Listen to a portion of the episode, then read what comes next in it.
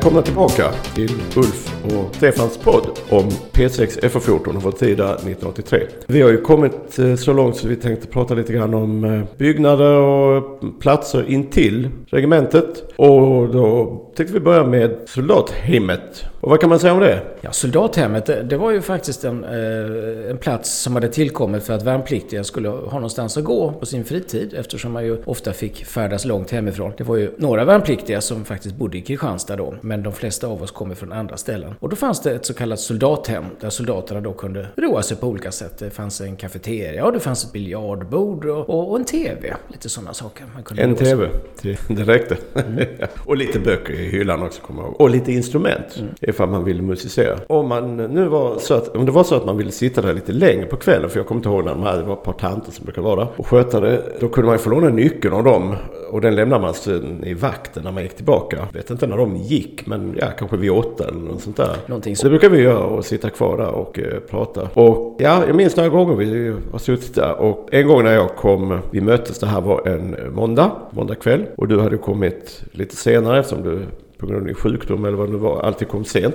Ja, nej, det var ju faktiskt som så att jag, eh, vilket jag eh, var mycket tacksam för, var allergiker. Vilket innebar att jag på måndag förmiddag skulle åka till sjukhuset i Malmö och göra lite tester, allergitester. Varenda måndag. Varje måndag. Så att jag trevligt. behövde inte komma först vid, e, efter lunch. Och det tyckte jag var skönt för att då hade jag ytterligare en halv dag som jag slapp vara på Mm. kompaniet och regementet. Lite mygel där. Men eh, hur som helst så sammanstrålar vi där. Jag hade helgen innan då varit och knott en eh, liten flaska kvarting, Smirnoff vodka, från en inom citat vän. En idiot som inte behövde den längre. Men när jag kommer med den så är jag triumfatorisk. Titta, nu har vi sprit Stefan. Oj, vilken fest det här ska bli. Och du uppskattar ju det hela liksom. Och vi kunde inte dricka den helt bra. Men vi hade inte sådär väldigt mycket kontanta medel. Så att det räckte till en 33 centiliter Fanta citron va? Fanta apelsin vill jag Apelsin, minnas. Men egentligen ja. så det, spelar det ingen roll för det är lika Nej. äckligt vilket som. En liten burk. Usch. Det förstår ju vem som helst att det är nästan bättre att dricka det som det är än att blanda det med Fanta. Jo då, men Ja, framåt kvällen när eh, vi var själva där hade fått ta nycklarna tanterna hade väl gått. Och, eller var det de tittade upp?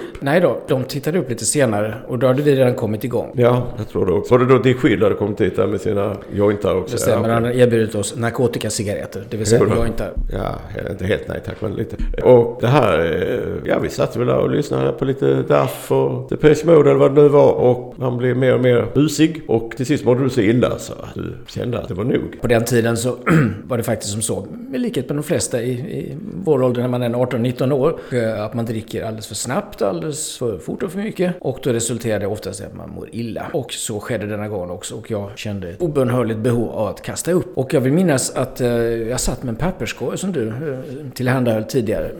Men av någon anledning så blev det så bråttom så att jag fick slänga upp fönstren i rummet och kräkas ut genom fönstret. Ja, och det här var ju efter mörkrets inbrott. Detta det var efter mörkrets inbrott. Men dessvärre var det som så att fanns en markis under då. Och där landade... Ja just det, det var väl en markis som var till typ kafeterian? Ja, eller sådär, va? stämmer bra det. För det fanns en liten terrass där ute också. Och där spydde du upp en hink liksom, det var vidrigt. Eh, Det var och- vidrigt men, men vi avlägsnade oss och eh, de här damerna tittade in lite snabbt och såg till så att allting var väl. Och, och det var det ju då va. Jo då.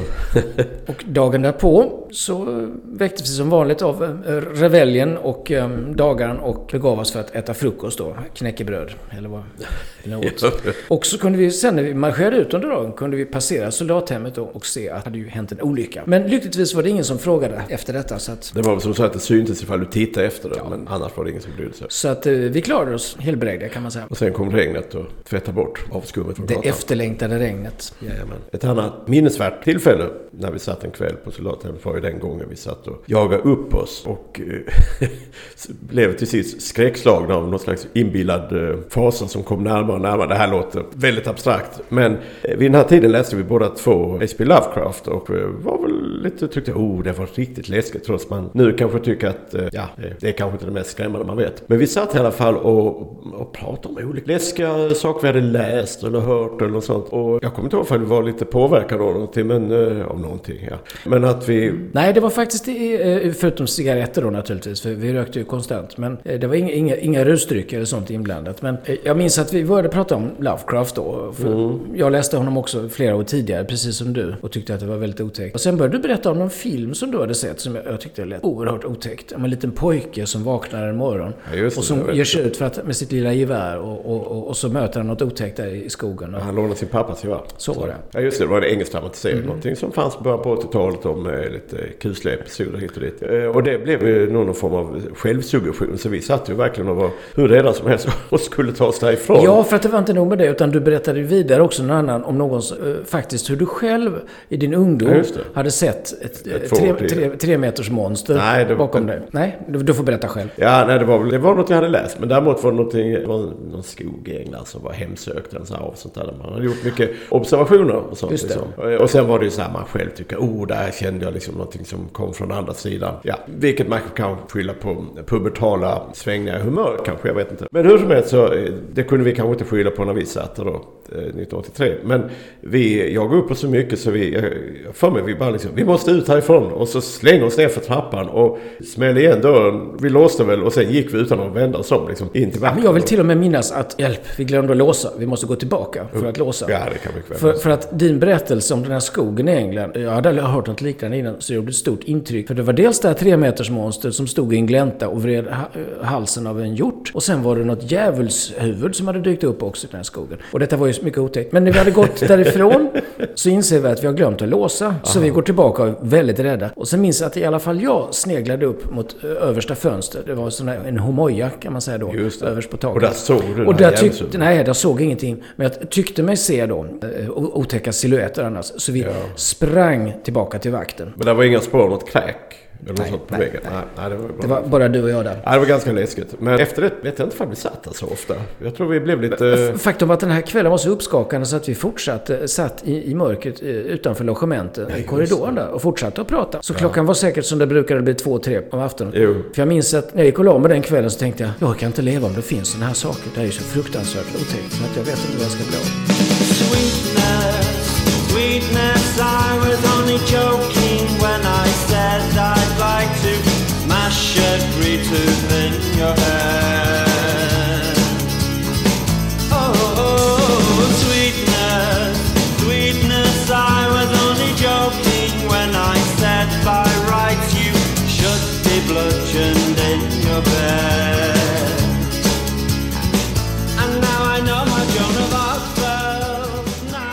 Intill eh, soldathemmet låg ju också biblioteket som, ja det, det som hörde till regementet. Det var en liten fyrkantig byggnad, kan inte ha varit många kvadratmeter. Det var väl ett, typ ett rum som gick runt med någon form av gammal murstock i mitten. Och jag kommer inte ihåg hur mycket böcker det kan ha varit men ehm, det var ett ganska litet bibliotek. Det var inte många som utnyttjade möjligheten att få gå dit här på kvällen.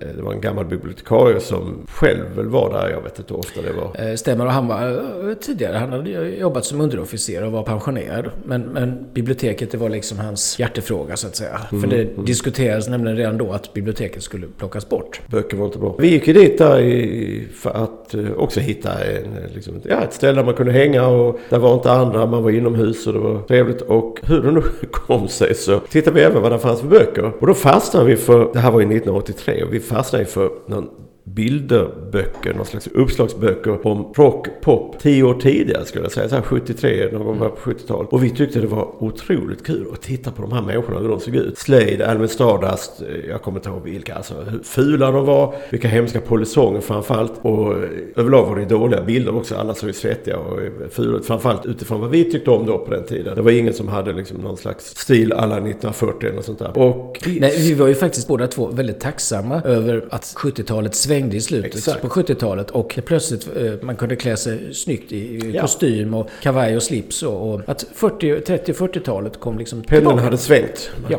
Polisonger här då och Och även musiken, Lustens Lakejer och syntmusiken och så. Jo då, det var mycket av de estetiska idealen som de banden framförde. Men vi stod, eller satt där och skrattade, låg på golvet höll jag på att säga, det gjorde vi inte. Men vi, vi skrattade och, ja, det här är väl konstigt, lite, inte lite homoerotiskt. Men i alla fall, om man blir varm, man knäpper upp skjortan slocknar lite grann. Oj, oj, oj, vad vi var röda och rosiga. Och helt plötsligt så öppnas dörren och in kommer vaktstyrkan. Det var, det var ju som så att det var, det var värnpliktiga då som hade fått uppgift att patrullera området då varje kväll. Och så såg de att det fann folk i biblioteket så de eh, sökte sig dit då. Säkert, inte för att kontrollera men de tänkte nog att ja, det är några andra. Det kunde vara bögar. Och de kom in lite så här eh, roat, småflinande. Ja, här pågar, har det roligt eller någonting annat? Vi var i samma ålder liksom. Men då vi, Efnis, ja, haha, vi, vi, vi bara tittar. Jag får mig vi bara stammande förklarat. Vi, vi, vi tittar på de här roliga bilderna. Ha, titta, titta själva, haha. Och medan de, ja, lite spydigt stod och flinade. Sen kommer jag inte ihåg som begick dem då bara.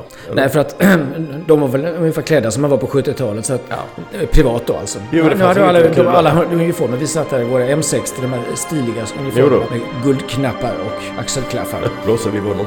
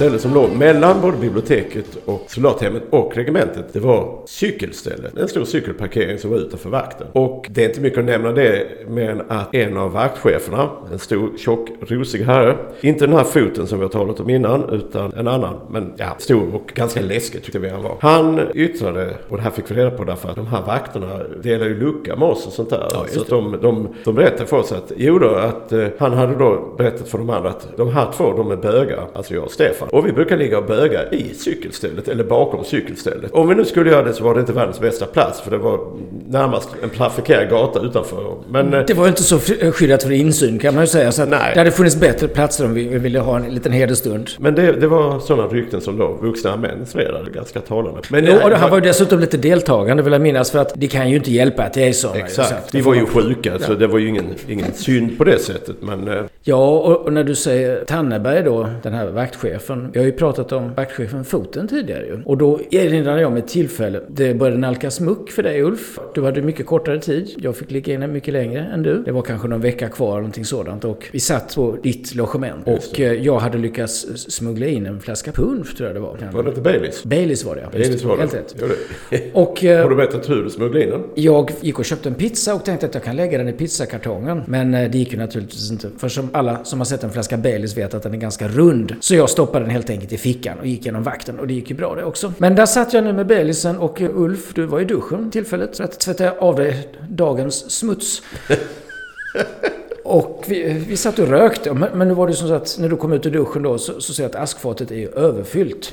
Vad gör man då? Jo, om man heter Ulf Herlin så öppnar man fönstret och kastar ut askan genom fönstret. Och det här var alltså på bottenvåning då. Men det var ganska högt upp ändå för att vara en bottenvåning. Och, och i samma ögonblick som du slänger ut så tycker jag mig minnas hur ditt ansikte formas av fasa. Och du ropar högt. Herregud! Foten har fått alltihopa i huvudet. Och jag förstår inte för jag tror du skojar. Nej, det gäller fort, fort, vi måste härifrån, säger du. Och så tar du tag i mig och, och så springer vi upp, allra högst uppe, till det som kallades för dagrummet. Som vi nu har nämnt Det tidigare. stämmer alldeles utmärkt. Och där gömde vi oss bakom en skärm eh, där man brukade sitta och läsa tidningar och väntade. Jag trodde att du skojade med mig men sen visade det sig att i samma ögonblick som du slänger ut askfatet så ser du hur foten går precis nedanför. Ja, och jag ser ju fimparna singla ner. Och det är ju inte första gången det sker, för det var ju gott om fimpar. Det, det var så man gjorde när man tömde askfaten den tiden. Men jag ser hur, där kommer han ner av alla människor. Och det här var ju en, jag vet inte om vi nämnde det förra gången, men det här var en väldigt lynnig, konstig aggressiv underofficer som väl dessutom har besjungits, höll jag på att säga, av Det sägs att, Stefan och jag att, det sägs att Hasse och Tage Just det. är en Lindemann-sketch när de pratar om en,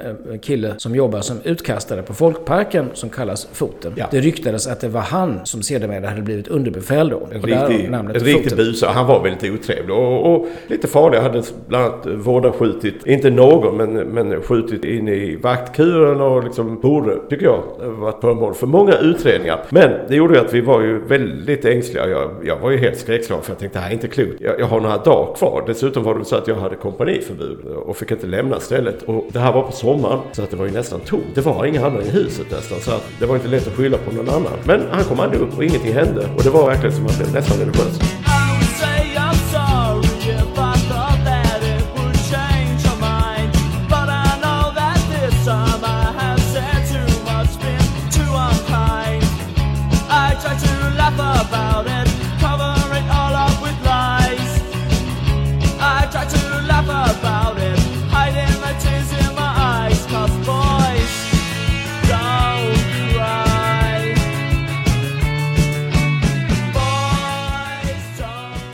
Det var en av många roliga figurer. Det fanns ju många konstiga karaktärer både bland befäl och våra olycksbröder. Jag kan ju inte säga direkt att jag hade någon inne på min lucka som var väldigt konstig förutom då Dick Schidlo, salig åminnelse, som väl var en lite speciell kille. Gillade att röka maja, bodde i Arlöv, var, eller ville vara bekännande nazist. Pratade mycket om det täcka könet, allt annat än höviska termer. Jag vet inte riktigt, vad kan man säga om honom? Hade, han, eh, Ja, faktum var att det var kanske inte så säkert en rolig episod, men han jobbade ju i vakten. Och jobbade man i vakten, eller på milostaben då, som vi har nämnt tidigare, så jobbade man ju en vecka och sen var man ledig en vecka. Och det gjorde att det här jobbet verkade väldigt avundsvärt. Eh, Men då jobbade man ju i gengäld desto mer då, på nätter och så. Då minns jag ett tillfälle när, jag tror vi har nämnt generalen, en, en annan profil också som fanns på din lucka.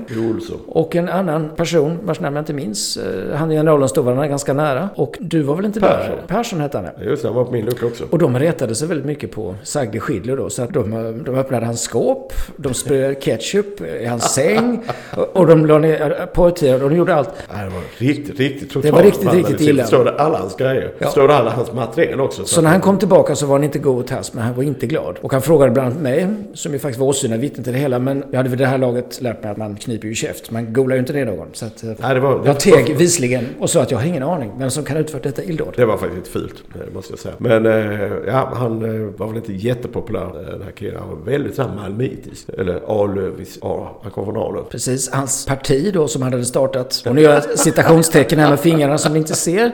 Det hette BAS, Bevara Arlöv svenskt. Ja, just det. Så redan på den tiden kunde man minsann. Ja, han eh, var snackade mycket om fina brudar med nufsiga tits och hur han hatade alla blattar. Ja, och snorkråkor som han kallade för chips. Skjuta chips.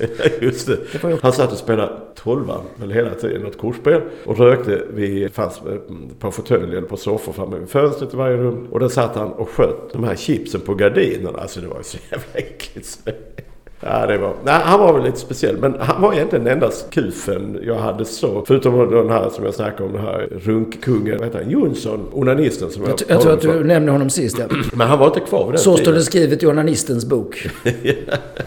Men han var bara eh, en äcklig loser. Men annars var det väl ingen armén. Eh, Jag hade ju för sig Sim Olsson också där. Eh, Simulanta Olsson. Som jag både tyckte om och inte tyckte om. Han var liksom en snäll och vänlig människa men han var för mesig. Han var så ja, väldigt inställsam och i, han förespråkade sånt med avskydde icke-våld. Han var dessutom kommunist. Nej, och som sagt, icke-våld. Han, han, han ville inte hålla ett gevär och sådär. Nej, just det. Vad fan var det? Och eh, han sjukskrev sig. Därav namnet Simulanten. Han kunde inte skjuta på en pappfigur som var människofår. Men han kunde skjuta på ett vanligt kulfång, en pricktavla liksom. Sånt hyckleri. Dessutom sköt han ganska bra. Det var ännu mer irriterande liksom. Men han var, han var jag vet inte. Jag kommer ihåg vid något tillfälle någon annan, jag kommer inte ihåg vad han hette, en stor tjock raggartyp som också låg där som var fullständigt dum i huvudet. Men han kom hem full och han retade sig väl också på kommunister. jag låg och sov och vaknade av att han höll på att trakassera dem att skaka en säng. och, Är du vaken än din jävla kommunist? Är du vaken kommunistjävel? Och han låg där och vågade inte göra någonting annat. Och piper till sist fram att hade du inte varit så stor så skulle jag jävla ge dig på pilset. Och tänkte haha, där fick du din röding. Men däremot fanns det väl några på din lucka, jag kommer inte ihåg vilka... Ja, på min lucka hade vi då, men jag tror att vi har nämnt honom tidigare. Eh, Sandberg. Ja, det, finns, ju- det, finns, ju- det finns ju två Sandberg. Jo, det finns det. Dels den som vi pratade om i förra avsnittet Jo som eh, som var, var en välklädd och såg ut som en ungmoderat men som inte var det. Och sen var det ju Sandberg på min lucka då som Jo då. kom från Ängelholm. Han hörde till, också precis som den här Simonsson, till en av våra första eh, förtrogna. Han var med i vårt mesiga gäng. Det stämmer. För han var nämligen en av de få som hade gått tre år i gymnasium och då kände man automatiskt ett visst släktskap eller hoppades på att det skulle vara Han var, han var från Ängelholm, ja. Han var trög. Han var, riktigt, han var väldigt, eh, vad ska man säga, icke-skärpt. Pratade långsamt och han var ful. Hade tjocka kockabollar och plyschtröja. Som eh, störde mig väldigt mycket. Och ja, jag kommer inte ihåg. Jag, jag, från en stilla acceptans blev jag i alla fall fylld av rätt mycket eh, avsky för honom. Vilket jag visade också. Jo, jag tror faktiskt också att din avsky började när vi satt och åt i matsalen och det löddrade om hans läppar och, och, och det var hur han han- åt som gjorde att du... Han sitter och äter och så säger att herregud människan har lite skummande saliv i mungipan. Och jag, jag äh, som sagt var tur inte var beväpnad för han skulle skjutas. Han var, han var så, uh, han var snål dessutom snackade alltid om att han hade 50 000 parat eller något sånt. Ja, och det roliga var faktiskt att precis i början så var det faktiskt eh, han som jag tydde mig till då. Och, och, samma och, och, Sim Olsson som vi precis har pratat om också. Och sen var det du då. Så att vi fyra var faktiskt ute och åt en pizza. Inte på det stället som vi brukade frekventera senare utan en annan av Kristianstads många pizzerior. Där satt vi fyra och berättade lite grann om oss själva. Det gick ju laget runt då om man hade någon hjärtans kärlek etc. Och det ska vi Ja, det av sekretesskäl inte gå in på. Nej men det var, det var väldigt lustigt. Men då, då var, det här var i början så man var glad. Ja men titta man kan prata med några i alla fall. Som sagt fiskaflabben då alltså. Sandberg han var, jag vet inte, han känns lite särskolevarning över honom för han lät rätt enfaldig. Treårigt gymnasium, vilket han nu ville ha sagt. Annars var det väl inga sådana här jättekonstiga du hade inne hos dig? Nej. Förutom, han, vad, han, vad hette han som hade ciggen i munnen som kunde ha den utan att röka? Ja, vad hette jag? Minns, jag minns att du döpte honom till The Skull. Eftersom han var alldeles likblek Han såg ut som en dödskalle. Exakt. Och han såg lite sjuklig ut faktiskt. Och han hade den märkliga egenskapen att han, att han kunde röka en hel cigarett utan att ta ut den i munnen. Vilket är rätt enastående. Jag gick, den var klistrad på läppen Ja. så han kunde... Ja. Men även de andra kamraterna skrattade gott därför att han brukade ofta prata om en viss marknad, nämligen Sjöbo marknad. Ja, just det. Där han, som han brukade gästa årligen då. Och då hade många roligt åt. Ja, han, var, han stack ut bland bönderna som extremt bonig och då är det säger han det. Annars kommer jag inte ihåg så många du hade där inne. Nu börjar vi nämna massa namn här. Tutt, eh, som, som faktiskt stavade sitt efternamn precis som organisation Tort. Just det. Eh, Just och, En, en eh, liten förarglig figur som var fullständigt Precis. besatt i att han skulle knula hela tiden. Var inte det? Exakt. Som de flesta andra var han fullständigt besatt av detta. Och det lustiga var liksom att han fick ju faktiskt, vad vi vet, gonorré på riktigt då. ja! Och, och, Och det han var ju verkligen detta. en fjäder i hatten för honom. Oj, Ja. han var stolt. Ja, fast faktum var att den som hakade på den trenden riktigt, det var ju han som vi nämnde sist, Le Tatarbeuf. Ja, det är svin. Jag har inget namn på honom för ingen minns vad han heter. Jag minns inte vad han hette, men jag minns i alla fall att, att han hävdade att han också hade haft det. Tro- trots att han bevisligen inte hade haft det. För Sagde Tott sa då, ja okej, hur gick det till? Hur gick behandlingen till? Uh, jag vet inte. Förde de in eh, saker i urinrör? Ja, ja, just det, just det, just det. Och så hittade han på någonting. Men ungefär som att gonorré, det är fjäder i hatten. Jo, det var lite kul. Ja, den här Tartaböff, han var en ful typ som vi, vi kände. Han, han var vår fiende. Han hade ett litet, jag minns det som, det- fanns ett litet gäng med karaktärer. De här namnen kan vi ju säga också, det är ju bara våra namn. Det var ingenting som de gick under med. Ju kanske Tutt då, eftersom han heter det. Men vi hade då ett eh, gäng där det fanns Apachen, en figur som såg ut som en illvillig ursprungsinvånare, en indian, i någon gammal film. Han, han, var faktiskt, han hade mörka ögon och han hade just en sån frisyr som apacherna brukade ha. Vart stripigt hår, kroknäsa och blodtörstig blick. Han verkar lite efterbliven också. Och sen fanns det en som var väldigt stor och som verkade väldigt stor och trög. Så följaktligen fick han då heta Bror Björn då, efter Song of the South. Mycket stor och tjock, hade precis Bror Björns form liksom. Och, och gick lite mm, långsamt, pratade inte för skärpt han var ju inte så dum i huvudet på något sätt va. Men Han var, han var nog inte så, så dum som han verkade. Och sen fanns det en liten person som jag inte minns namnet på, men som såg ytterst illvillig ut. Han var väldigt kort och liten och hade snedlugg. Och de, när, de här, när de här kommer gående då på kaserngården, det blir väldigt roligt. Bror Björn som är två meter lång, jättestor. Och så den lille illvillige som knappt når honom till knäna. det var typ någon sån här Alcatraz, farliga gäng inne på Och fängelset. flankerad av Apachen då. Jo då, ja.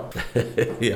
Sen fanns det ju, eh, eh, det var ju synd om den här killen för han var ju, eh, han var ju uppenbarligen efterbliven. Den här, honom kallar vi Trullet. Och han var liksom en sån här allmän hackkyckling bland alla. Han var låghalt, han hade varenda fel. Det var, det var inte mycket rätt i hans genetik kan man säga. Men jag vet inte vad han hette. Jag minns inte vad han hette, men jag minns att han var bördig från Östra Ljungby. Han var ju en som alla var på att hacka på mycket. Och sen fanns det ju en annan Fast han, han hade den förmånen att det, det liksom rann av honom. Ja. Nu, nu, nu kan Han jag hade inte, inte vett och kan jag inte uttala mig om, om hans inre, för det kanske var sargat och sårat. Men till det yttre så såg det ut som att det rann av honom. Jo då, han var ändå en, en i gänget. En annan som det kanske inte rann av så mycket på, det var ju nyss nämnde Härnäs som var en, han var väl eh, kanske något år äldre eller något sånt där. Han var några år äldre. ja. Och han var väl, han såg också lite grann ut som någon, han hade kanske gått tre år gymnasium. Han hade någon slags utslag i ansiktet. Jag vet inte om han var koppberg av mycket finnar eller sånt där. Det, det, såg kan, det kan ha varit un, uh, sån här ungdomsakne Ja. eh, nu i efterhand. Kan det ha varit. Men, men vi fick det till skroffler och, och annat. Jo, och vi tyckte inte om honom heller. Men han blev plågad av många. Han blev bland annat plågad av den här imbecill som jobbade på VKS, precis som jag, som heter Lindstrand. Som hade själv hade tjocka kockabollar och antagligen gjorde det här bara för att ge igen. Jag, jag minns honom mycket därför han kunde inte knyta, han kunde inte knyta slips. Så han hade slipsknuten hela tiden och bara drog åt den varje dag. Så den var ju stor som en... Ärta. Och jag för mig han fick någon avhyvling också av Stjernquist eller så för det. Det, det kändes så konstigt för att han hade som sagt, kockabana då, som ni säkert förstår, kära lyssnare, det är väldigt, väldigt tjocka glasögon. Glasögon som är så tjocka att det nästan kan se ut som att man ser dubbelt. Ni vet. Ögat väldigt konstigt. fyller hela Ja. glasögat. Och han var ju snarare att mobba andra, bland annat den stackars Härnäs då. Han han Så att han var inte snäll. och körde Och så tänkte man att, ja, och så tänkte man liksom att jag har väl själv inte så mycket att ståta med liksom. Nej, fula och dumma var de allihop kan man säga. Sen kommer jag inte ihåg så många eh, som så liksom, som stack ut. Det var det här, eh, det elaka gänget ungefär och eh, ja, sen var det inte så många mer. De flesta var ju rätt hyggliga. Det, det var de, sannerligen. Och eh, vad som var roligt var ju faktiskt, positivt, bortsett nu från att jag lärde känna dig, det var ju faktiskt att man lärde känna så väldigt många olika människor Ja. som faktiskt gav respekt. Därför att vi hade en sak gemensamt, vi satt alla i samma båt. Och det gjorde att man faktiskt, jag hade nog inte lärt mig så mycket om människor om jag inte hade gjort lumpen. Det var inte så mycket att göra med att man fick liksom ta scenen dit man kom, höll jag på att säga. Men att man fick möta människor som man inte hade mött innan och man antagligen inte hade mött för man fick välja själv. Let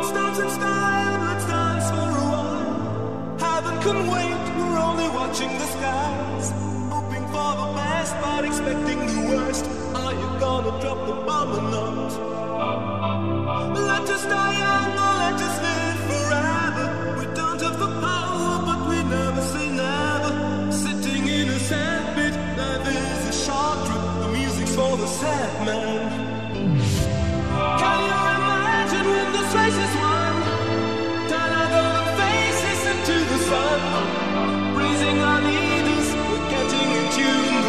The music's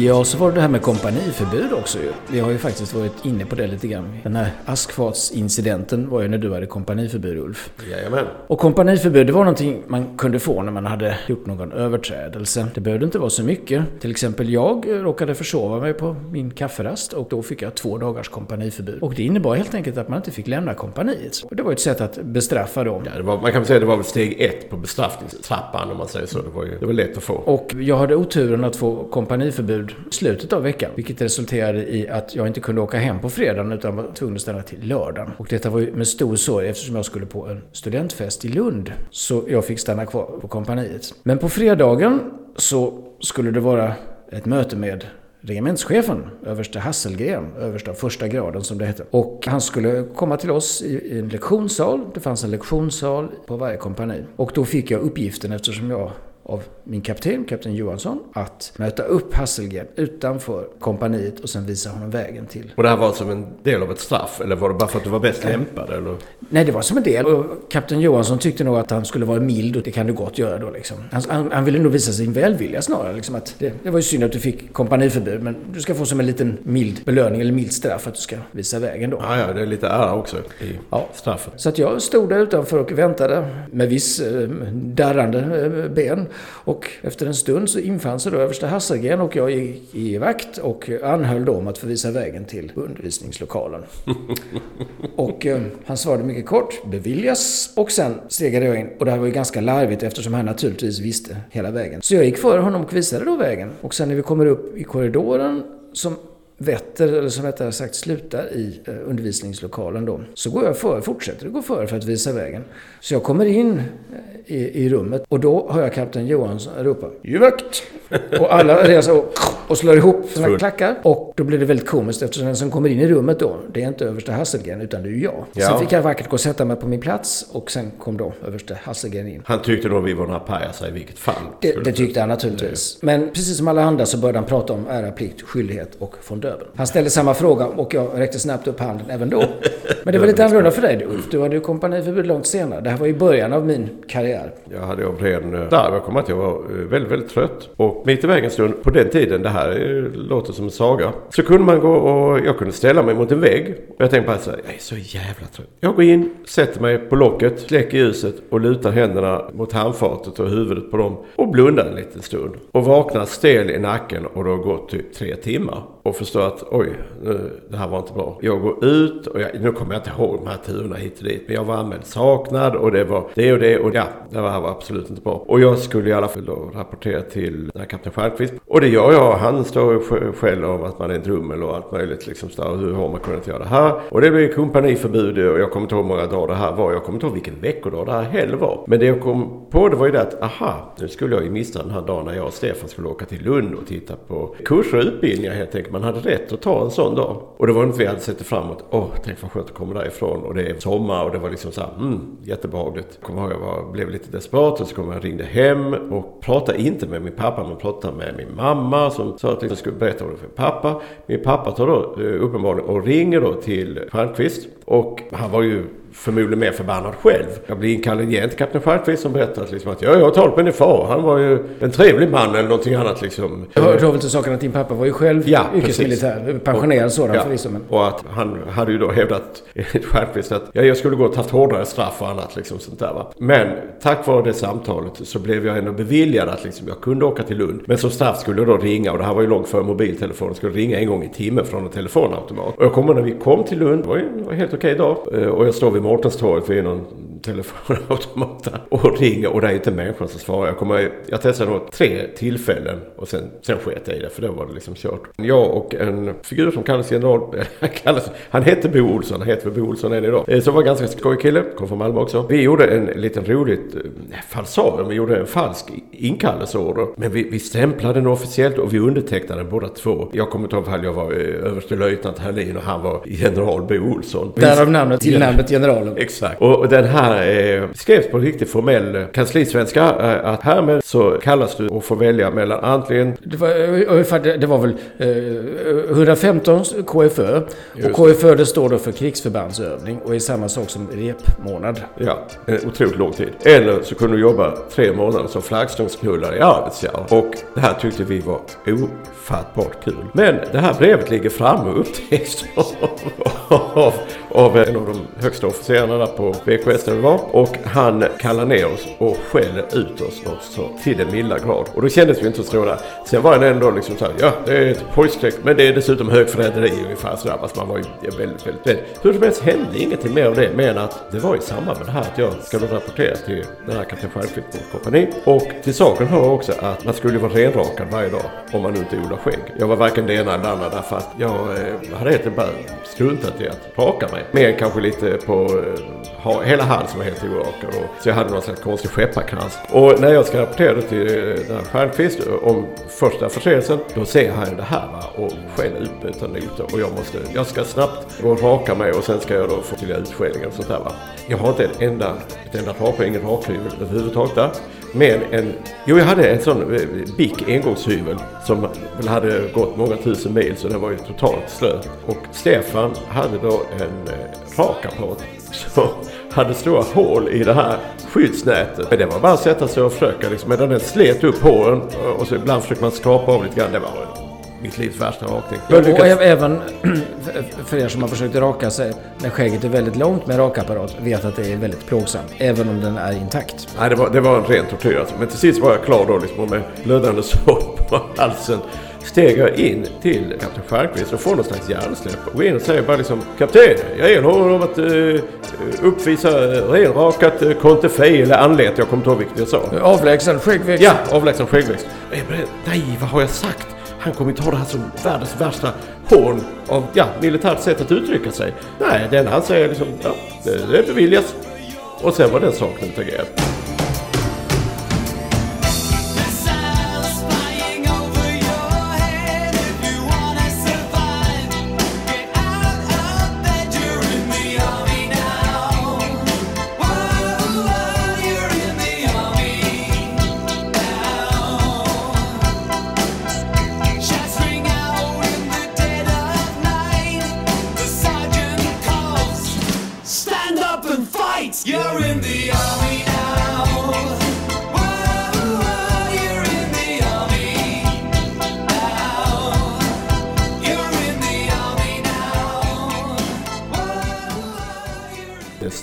Ju på kompaniet på fredagar. Och det gjordes mera. Den här eh, snubben som jag snackade om, Jonsson, som då var en ivrig onanist tydligen. Därför var han så otroligt fin och hade hår på handflatorna. Och även lite problem med ryggmärgen. Han var självbefläckelsens okrönte konung. Inte i duscharna fanns helt enkelt toaletter. Allting tänkte med kakel, eh, någon gång från 1910-talet. Trädörrar som var öppna. Det var liksom ett mellanrum där uppe och där nere. Och där såg man bara på fötter med byxorna nere. Och någon tyckte sig höra liksom misstänkta ljud. Lite lätt gnyende. Som en liten hundvalp. Folk la ihop det ena med det andra. Någon gick och hämtade slangen som fanns där för städning. Tar upp den där ovanpå. Den här stackars människan märker inte. Och drar på kallt vatten. Och sen springer allihop. Och man hör liksom äh, där.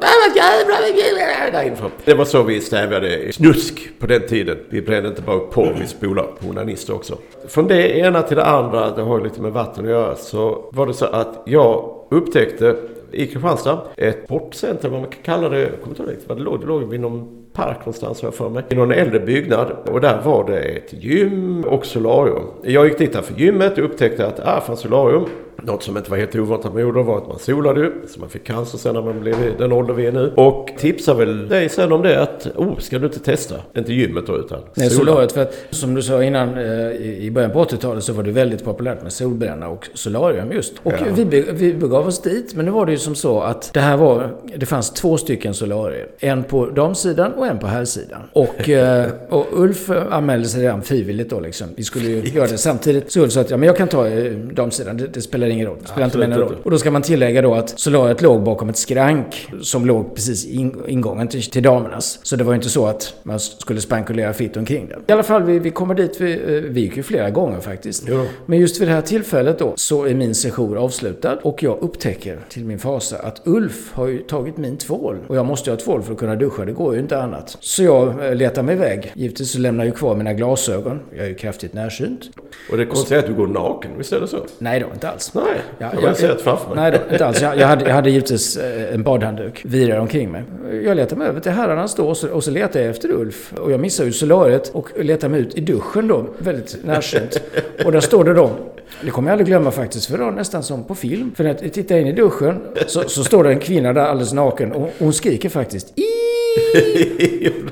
Jag var väldigt pryd och blev alldeles förtvivlad. Då hör man bakom skranket en mycket lugn och trygg stämma som säger Ta det lugnt, han är bög. Hon tystnade direkt. Nej, det gjorde hon inte. Nej, det gjorde hon inte för att jag hade redan nu börjat leta mig ut igen i, i ilfart. Men lyckades jag få tag på det först och fick ju faktiskt med mig tvålen.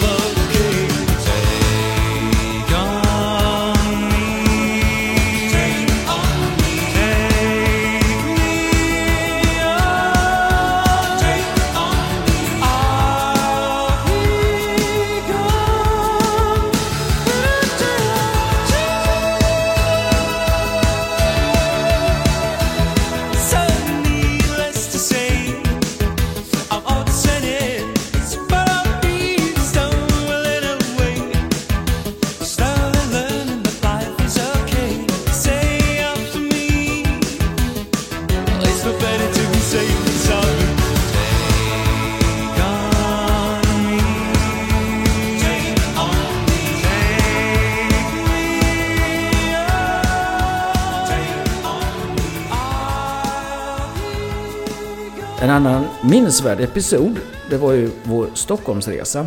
Och det var ganska tidigt i början av värnplikten. Jag tror det var i februari, mars kanske någonting sånt, eh, 83. Det var nämligen som så att man fick ju två stycken fria resor varje vecka. Och de resorna var kanske först tänkta till att man skulle åka hem och tillbaka. Men det var fria resor över hela landet, var det så kallade viseringskortet. Och då tänkte vi att vi skulle göra oss en rolig helg i Stockholm och utnyttja detta då. Så vi hade nogsamt planerat. Jag, och jag tror även du, hade packat ner de bästa kläderna. Som, Jag ska bara säga det, vi skulle stanna väl på drottning Victorias örlogshem. Just det. För värnpliktiga att man kunde bo väldigt, väldigt billigt. Ett vandrarhem. Det ligger faktiskt precis eh, bakom Nationalmuseum. Och det finns fortfarande kvar, än idag. I alla fall, så vi hade förberett oss noga. Eh, Vi hade packat våra finaste kläder och klätt upp oss. Och eh, vi hade även för ändamålet inhandlat det billigaste vi kunde tänka oss. Det billigaste av alla vita viner, nämligen Bayas från Turkiet. Och vi hade köpt, tror jag, en liten flaska silverrom också. Det hade vi också gjort faktiskt. Detta skulle då förtäras både under resan och vid vår vistelse i Stockholm. Jo då, vi trodde det skulle räcka till mycket. Det, det jag kom till på en sak som var väldigt kul var ju det att jag tänkte i alla fall att aha, vi skulle upp och hitta något eh, coolt ställe att gå på. Och tänk ifall vi träffar några trevliga eh,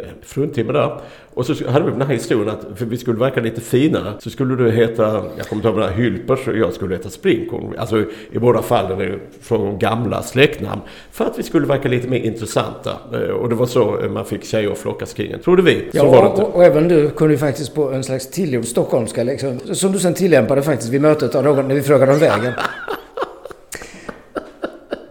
Men i alla fall, vi styrde kosan mot Hässleholm för att byta tåget till Stockholm där och där väntade din Hulda moder och syster och hade förberett matsäck då, vilket ju var väldigt välkommet eftersom vi hade ju väldigt lite pengar. Och vi satte oss på tåget och på den tiden så reste man ju kupéer.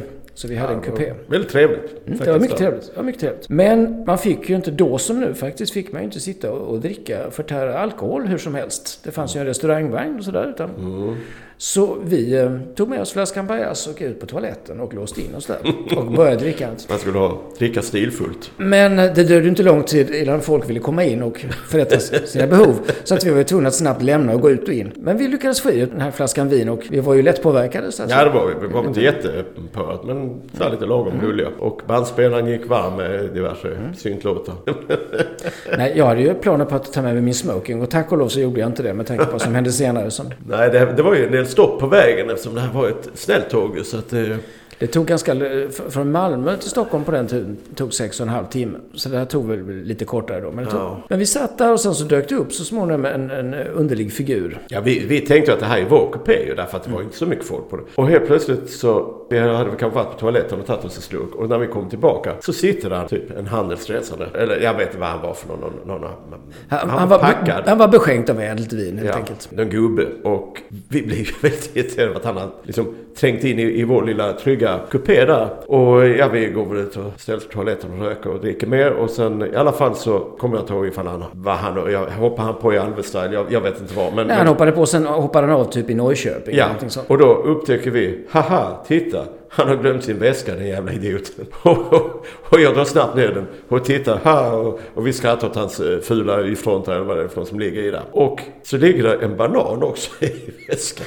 Som jag snabbt skalar. Och det var nog, kan jag nog säga att det var, det var nog mer jag än du. Eh, Kleta ut den eh, liksom över hans kläder och, och samtidigt. Men du var med och skrattade och tyckte det var ett, ett rättmätigt straff för den här typen. Han var tarvlig på alla vis. Ja, sen stängde vi bara väskan. Han, han höll ju faktiskt på att försova sig. För i Norrköping så, så kom konduktören och ropade du skulle av i Norrköping. Just det. Oh, oh, oh, så. Ja, just det. Och, Men straffet lät du inte vänta på Nej. sig. Det fanns Vi- en nemesis Vi, divina vi även tänkte där. inte på det här på en gång. Liksom så här. Men sen efter ett tag så upptäcker ju du att din egen väska är borta. Och då är det helt klart, han har tagit din väska. Och det, det som sagt, det, det var karma, nemesis divina. Det, det var liksom Det var det så verkligen. För det var ju till saken också att detta var ju inte min egen väska utan jag hade fått låna min pappas väldigt fina väska då med kombinationslås och läder och allt vad det var. Där fastnade ju skrattet i halsen lite grann. Det kan man säga och det upptäcktes ju faktiskt först när vi hade kommit till Stockholm. För Stockholm var ju ändstationen och då upptäckte vi var är min väska någonstans och då utbröt ju paniken lite lätt. Och du var- struntade ju att ta med dig hans. Nej då, eh, vi lämnade faktiskt in hans väska. Ja. Och sen så skulle vi då ta oss till Drottning Victorias örlogshem och ingen av oss visste var det låg då. Just det. Så att eh, jag har blivit av mina kläder men vi, vi kan ju inte bara stå här utan vi får ju ta oss. Och, och du erbjuder då att du kan låna mig och sådär. Jag har ju tillräckligt med kläder så det ska nog ordna sig. Och på centralstationen så frågade vi två stycken poliser som faktiskt gjorde honör kommer jag ihåg. Men inte blev vi klokare på det. Så vi tänkte att vi tar en taxi. Från centralstation. Och för er som inte vet det är att Drottning Victorias örlogshem, det är alltså gångavstånd från centralstationen. För det ligger vid Nybrokajen, Nybroviken, bakom Nationalmuseum. Taxichauffören som vi anlitade hade ingen aning om detta. Utan han körde runt och det kostade en väldigt stor summa. Så han släppte av oss i närheten och vi fick fråga oss fram i alla fall. Vi hade väldigt pengar. lite pengar och den här taxiresan gjorde ett rejält hål kan man säga Ja. i reskassan. Framförallt som vi hade kunnat gå den biten. Det var ingen bra början detta. Men vi kom dit i alla fall och nästa morgon, lördag då, så eh, ska vi ta en tur på stan och jag kommer ihåg att du lånade en, eh, det var ju så att många kläder man hade då var ju ärvda finkläder. Men mycket bättre än de 70-talskläder som hade varit populära strax därför innan. Och jag får mig att du lånade en grå dubbelknäppt kostym som jag hade fått av min pappa, eller ta- bara tagit av honom. Som antagligen var lite stor.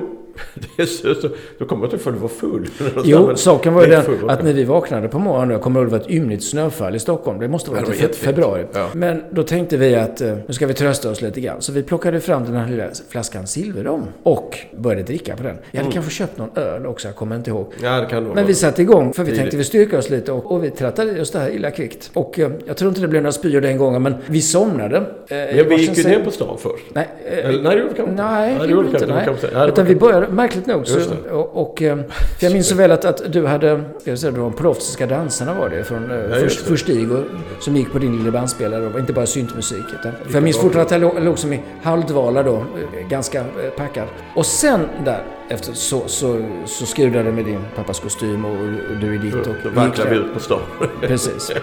Och, du fick en basker på huvudet. Ja, precis. Och en pipa Och i en munnen. pipa i munnen också. Du, du skulle handla skivor, för du var Just ute det. efter Blue Monday då med New Order bland annat. Den var släppt precis då och det var inte lätt att hitta den i Hässleholm. Och Den köpte jag och någon skiva till och sen var typ mina pengar slut nästan. Ja, fast det, det var ändå så att vi, vi, vi kunde äta en pizza också, Mm. som vanligt. Alldeles strax vid, vid Röda Kvarn, biografen, under valvet där, inte så långt från centralstationen. Kom ihåg, vi gick in på en pizzeria och åt. Var det på lördagen eller söndagen? Det var på lördagen detta. Ja, okej. det, det var efter att vi hade varit ute och du Ja, hade ja. handlat och sådär då. Och, och nu var det ju pengar, det var ju ett, kan man säga, skriande behov av pengar. Ja. Vi hade inte mycket kvar nu. Men du hade ju tänkt ut en, en idé om att vi skulle besöka ett visst ställe. Ja, det fanns då vid den här tiden ett syntställe, vi ska säga, som var hetare än hett. Som bara hette Club och som låg någonstans eh, som vi på något sätt hittar till. Jag Jo då, vi, vi hittade dit, men det var då Ulf visade sin Ja. Förträffliga stockholmska. Känner du till var Club ligger någonstans? Frågade han en förutplacerad ung dam.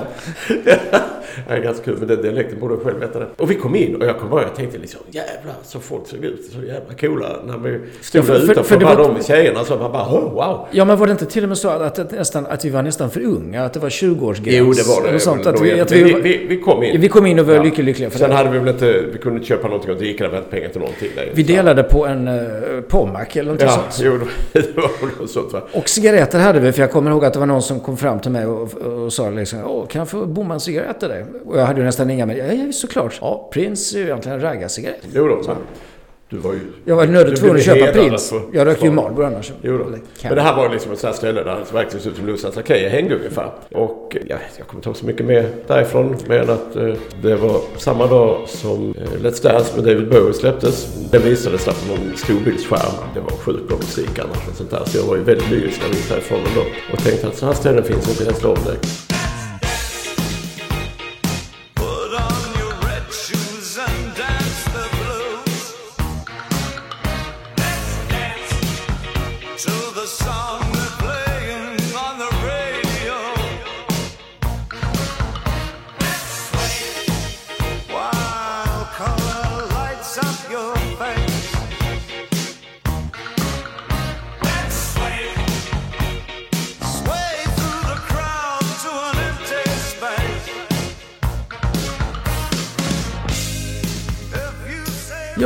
Sen så återvände vi då denna lördag till drottning Victorias örlogshem och eh, bortsett från att vi inte hade några pengar så var vi väl ändå ganska nöjda och belåtna med vår kväll där på klubb. Dagen därpå så skulle vi begynna vårt sorgliga återtåg med tåget. Så vi tog väl tåget någon gång eh, vid lunchtid, någonting sånt. Och nu var ju verkligen pengarna slut.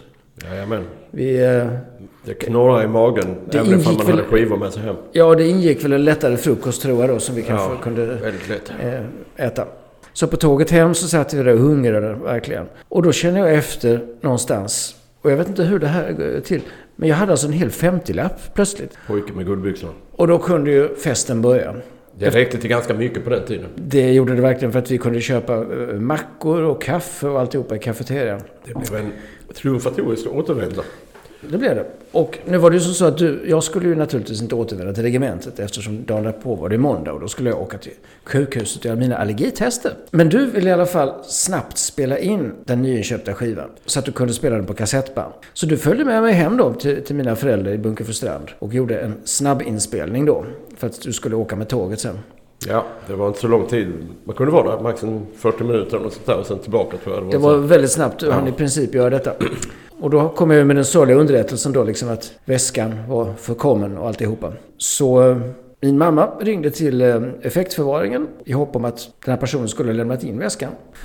Men så var det inte utan den väska som återfanns det var den väska som vi hade lämnat in. Inkletad banan och annat. Ja, det är väldigt kul. Man hör henne säga det liksom verkligen. Att, nej, det enda de hade fått in var en väska med banan i.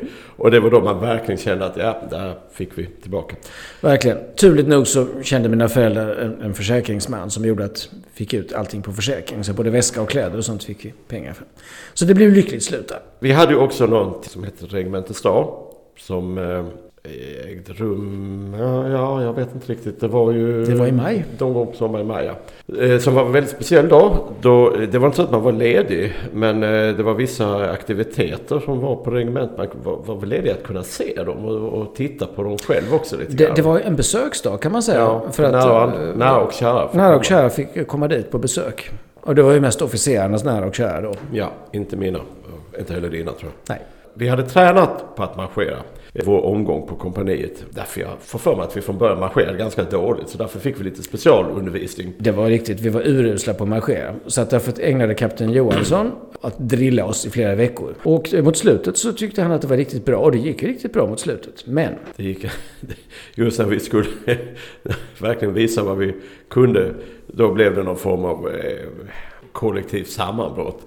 Jag vet inte hur det börjar men det är någon som börjar gå fel och det här sprider sig. Liksom det blir någon dominoeffekt. Så att vi går och det ser ut som något helt otroligt eh, clowntåg. Liksom. Någon är lång, någon är kort och någon går baklänges mer eller mindre. Ingen går rätt. Och man kan säga att när man marscherar så finns en viss, tyckte jag i alla fall, en viss tillfredsställelse i, att, i det här trampet, alltså takten när den hålls. Det är liksom ett skönt flow. Men det var fullständigt borta. Eh, utan vi liksom några gick och släpade benen efter sig liksom. Och, ja, det var helt otroligt. Och vi fick sån jäkla utskällning. Jag kommer inte ihåg vad, vad som hände med det. Det blev väl inget kollektivt straff sådär annars. Nej, mer det blev det inte. Utan, men vi vandrade över kaserngården. Så att alla kunde ju se den här eh, mycket, Ja, mycket det var verkligen... komiska de, han skämdes eller hade redan ögonen på sig eftersom fjärde kompaniet av tradition var mycket byfån och idioter. Och det här blev så bekräftat. Va? Det var väldigt kul. Eh, ifall han nu trodde att han skulle få en upprättelse och titta mannarna kan gå riktigt bra så nej. Där sket han sig i näven som det heter. Det var en, eh, en fin dag. Jag kommer inte ihåg hur den slutade annars. Det, det var en lördag och det slutade med att vi åkte hem sen med tåget. Så det blev ingen bestraffning. Men, men eh, det var ju mest tyckte man det var tråkigt eftersom det var en lördag att behöva vara där när man skulle få vara ledig istället. Ett annat som har med helgen att göra det var ju det när vi eh, hade beredskap. Och det kan man ju börja med som en bakgrund var ju att du var ju mm, representant för Jag var utsedd eh, till för, förtroendeman. Förtroendeman hette För man var tvungen att utse en sådan varje omgång eh, på ko- kompaniet. Ja, du var en slags talesperson för de värnpliktiga. Just det. Då hade du vissa eh, hade uppdrag. oinskränkt makt över så. hur beredskapsveckan skulle eh, se ut. Och vem som skulle gå på midsommar och så Just det, för ingen, ingen, ingen, folk brydde sig inte så mycket så att du fick ju göra lite grann hur du ville. Jag kommer det var ganska kul då till midsommar därför att då, då visade du liksom vilken svågerpolitik du förde för att jag kommer att vi var ju lediga liksom och då hade du sagt det värsta bösset, typ hela den här, eh, det här märkliga onda gänget bland annat. Så att de fick då ha beredskapen under eh, midsommarhelgen. Och för de här människorna var nog det viktigare än vad det var för oss exempelvis. För midsommar var ju liksom så här bonnig festtillfälle liksom. eh, Så att de var ganska upprörda. Men du blev inte lynchad i alla fall. Nej, för att både du, eh, eller jag gick på, jag gick på tre veckors semester inför midsommar. Så att, Ja, du klarade det. Du kunde inte hitta det. Sen var det också så här lite senare så var det dags att hade du satt ihop ett litet gäng som skulle ha beredskap och du och jag bland annat. Och som fin nepotism så gör du så att du sätter mig som chef för den omgången. Medan du är en grå eminens som håller dig i bakgrunden och styr allt ändå. Och det här var ganska kul för att eh, jag, kommer ihåg när vi skulle samlas på fredag eftermiddag då. För då var man ju där hela helgen och eh, nästkommande vecka var det. Det var fredag till fredag som ens eh, ansvar var. Att, eh, och, och, och ha beredskap var helt enkelt att man eh, var väl liksom en slags, ja det låter väldigt fånigt, men en insatsstyrka som var de första som skulle vara på plats om någonting hände. Innan man har kallat in de andra. Ja, och det kunde, det kunde faktiskt vara så att det kunde vara eh, inte bara så att övningar i händelse av krig eller så, utan det kunde vara att det hände en olycka. Och vi samlades. Och jag kommer inte ihåg vad hette han den här kaptenen. Jag såg inte att han var kapten först därför att han kom och hade inga kravbeteckningar. Jag var ändå hyfsat duktig på att kunna läsa av det. Och jag tyckte det var så pinsamt. Vad ska jag säga för någonting? För det är alltid så att man använder titeln, alltså graden, när man eh, hälsar på ett befäl. Så jag bara sa det rakt ut. Men han var väldigt trevlig. Så jag bara hälsade av att mm, mm, mm, är, är färdiga eller någon sån där beredskapsomgång det och det. Och eh, så efteråt så sa han då jag, jag är kapten by the way ungefär. Och han var väldigt trevlig. Han var nog eh, typ trevligaste officeren som man mötte under hela sin tid där. När man var där på helgen så innebar det ju inte som... Jag kommer inte ihåg vad gjorde vi under mesta tiden. Alltså, faktum är att vi var mest på plats. För jag kommer ihåg att eh, man gick mest och lodade. Man skulle vara i beredskap. Och eh, det var väldigt tacksamt för att redan första dagen så sa den här kaptenen, ni kan ta det lugnt, det kommer inte bli något larm. Och det här sa han ju. Vi var dessutom så att på helgen så slapp vi äta den avskyvärda maten som serverades på regementet. Utan vi fick åka till, vad heter det, SO Motorhotell sånt som låg utanför Kristianstad in eh, en liten eh, militärbuss. Och bara det kändes som lyx. Ja, det var lövbiff, kommer jag ihåg, och lättöl. Så det var ju Ja. lyx utan dess like. Jag minns en glädje när jag frågade liksom, kan man ta en lättöl till då alltså? Och han liksom, ja ja, tar du. Och jag tänkte, ah, det här är ju, vilken frikostighet. Ja. Det var helt fantastiskt. Och när vi sitter där så kände jag ändå ett visst ansvar. Liksom, så att, ja, vi måste vara beredda ifall larmet kommer. Därför det hörde till att det gick alltid ett larm, alltså ett falskt alarm, men att man skulle ställa upp, man skulle ha allting till pass. Eh, ja, sin stridsutrustning och sånt där. Och jag hade Som en liten övning kan man säga då. Ja, och det kunde komma mitt i natten eller som helst. Men man, man förstår att det här blir jättejobbigt och tråkigt. Och då säger den här kaptenen eh, som sitter långt bak i bussen att ja, ni kan ta det lugnt. Det blir inget larm. Och vilket är helt otroligt därför det var ju alltid larm. Alltid. Alla omgångar hade haft det. Man vågar fortfarande inte lita på det riktigt sådär. Men eh, ja, det hände ingenting. Sen var det så att på nät, eh, kvällar och nätter skulle man då göra en viss eh, patrullering med cykel. Två omgångar. Och det fick jag väl då utse dem vilka som skulle göra. Och då var det som du och jag och den tidigare nämnda fiskarflabben Sandberg satt eh, vi ihop. Och vi skulle cykla runt och titta. Det var ett enormt område med stora... Det var ett pansarregemente, det var massor med fordon av olika slag. Det var eh, stora garage, alltså eh, jättelikt område med stora parkeringsplatser och sånt som låg inom regementets område. Och jag kommer att vi cyklade runt och skulle titta på det och sen hörde till att det låg några förråd. Och de var, de var placerade på landet i gamla gårdar som kronan hade köpt upp. Eh, och de stod ju, vilket visade sig, helt mörka, nedsläckta. Och då skulle man åka dit och titta och se till så att eh, låsen var intakta eller någonting sånt där. Va? Och vi hade ju en komradio med oss, det vill säga walkie-talkie. Och den skulle man då enligt ett visst mönster anropa och svara på. Så Adam, kom. Cesar Adam. Jag vet inte alls varför det var Cesar Adam. När vi uh, cyklade, usch så blev det mörkt. Jag kommer ihåg att jag hade inget ljus på min cykel för den hade jag ju inte underhållit som man skulle. Jag var glad att jag hade luft i däcken. Och jag såg att jag cyklade någonstans riktigt. Och så skulle vi en bit längre bort, man hade en karta. Och vissa checkpoints liksom där man skulle då ringa upp när man var där och där. Till vakten och liksom bara stämma av. Och eh, när vi kommer fram så att vi kan se den här gården då, ser vi den liksom, ligger ett par hundra meter bort liksom, helt nedsläckt. Det är inte ett ljus i närheten, det, det, det, alltså det är skitläskigt. Och liksom, jag känner bara, det är ingen chans att jag cyklar bort dit där va, i mörkret. Det, nej, nej, det går ju inte liksom. va. Och då liksom, du var väl enig med mig om det? Och då kom jag på, ja men vi, vi försöker ändå liksom fejka att vi är där på något sätt. Och det blir ju något sånt, jaha, säger så de kom, är det, är det redan där?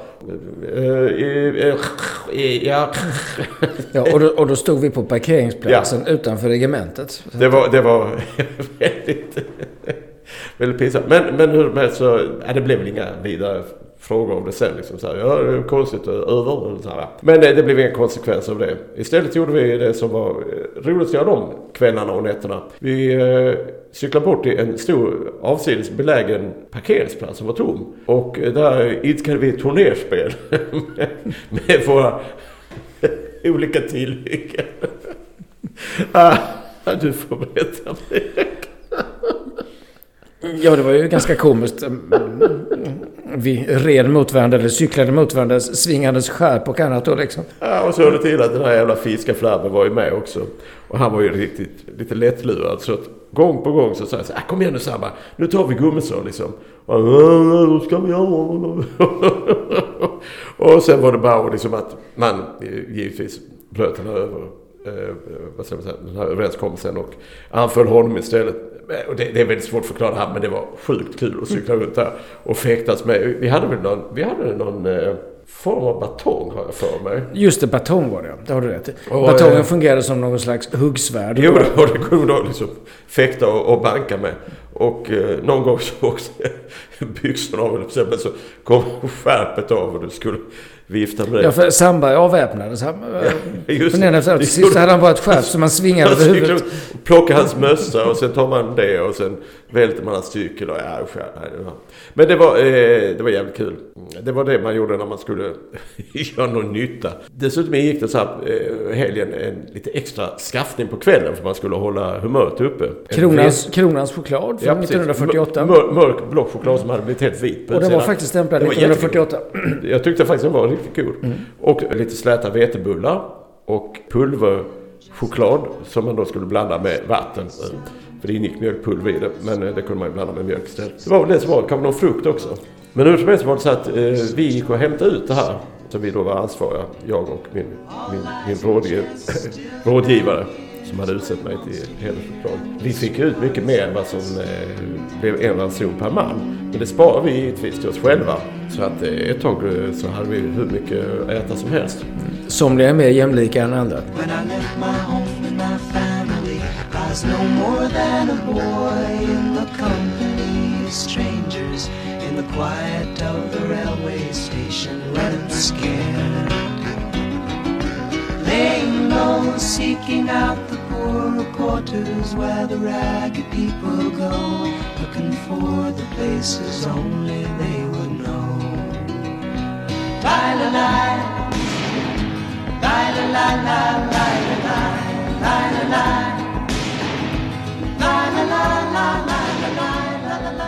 Ja, det här är ju en period som har betytt mycket för oss båda och eh, jag kommer ihåg att du ryckte ut redan i augusti och jag fick ligga kvar till november. Därför att du gjorde bara den så kallade grundutbildningen medan jag fick göra de fem repetitionsmånaderna också. Men eh, det är en tid som har betytt eh, väldigt mycket för oss båda och som vi var inne på lite tidigare faktiskt karaktärsdanande. Ja, man hade verkligen inte varit den man är utan att ha gjort lumpen. Och vi hedrar ju det här på något sätt att var tionde år åker tillbaka till Kristianstad och försöker ta oss ut till regementet som numera är en högskola. Ja, man, man kan säga att vi, vi, vi- försöker känna igen oss också för det är mycket som har ändrats. Ja, samtidigt som det är sorgligt. Man vill ju att det ska vara som det var en gång i tiden. Men eh, ja, så är det inte med någonting. Men husen är kvar och eh, stället lever kvar i våra hjärtan för evigt. Och eh, med den här berättelsen så vill vi väl avsluta den här delen om eh, lumpen. Men vi kommer fortsätta i nästa episod med nya nedslag i 80-talet. Och vi avslutar med de bevingade orden. Ära, plikt, skyldighet. Hej då! Hej då!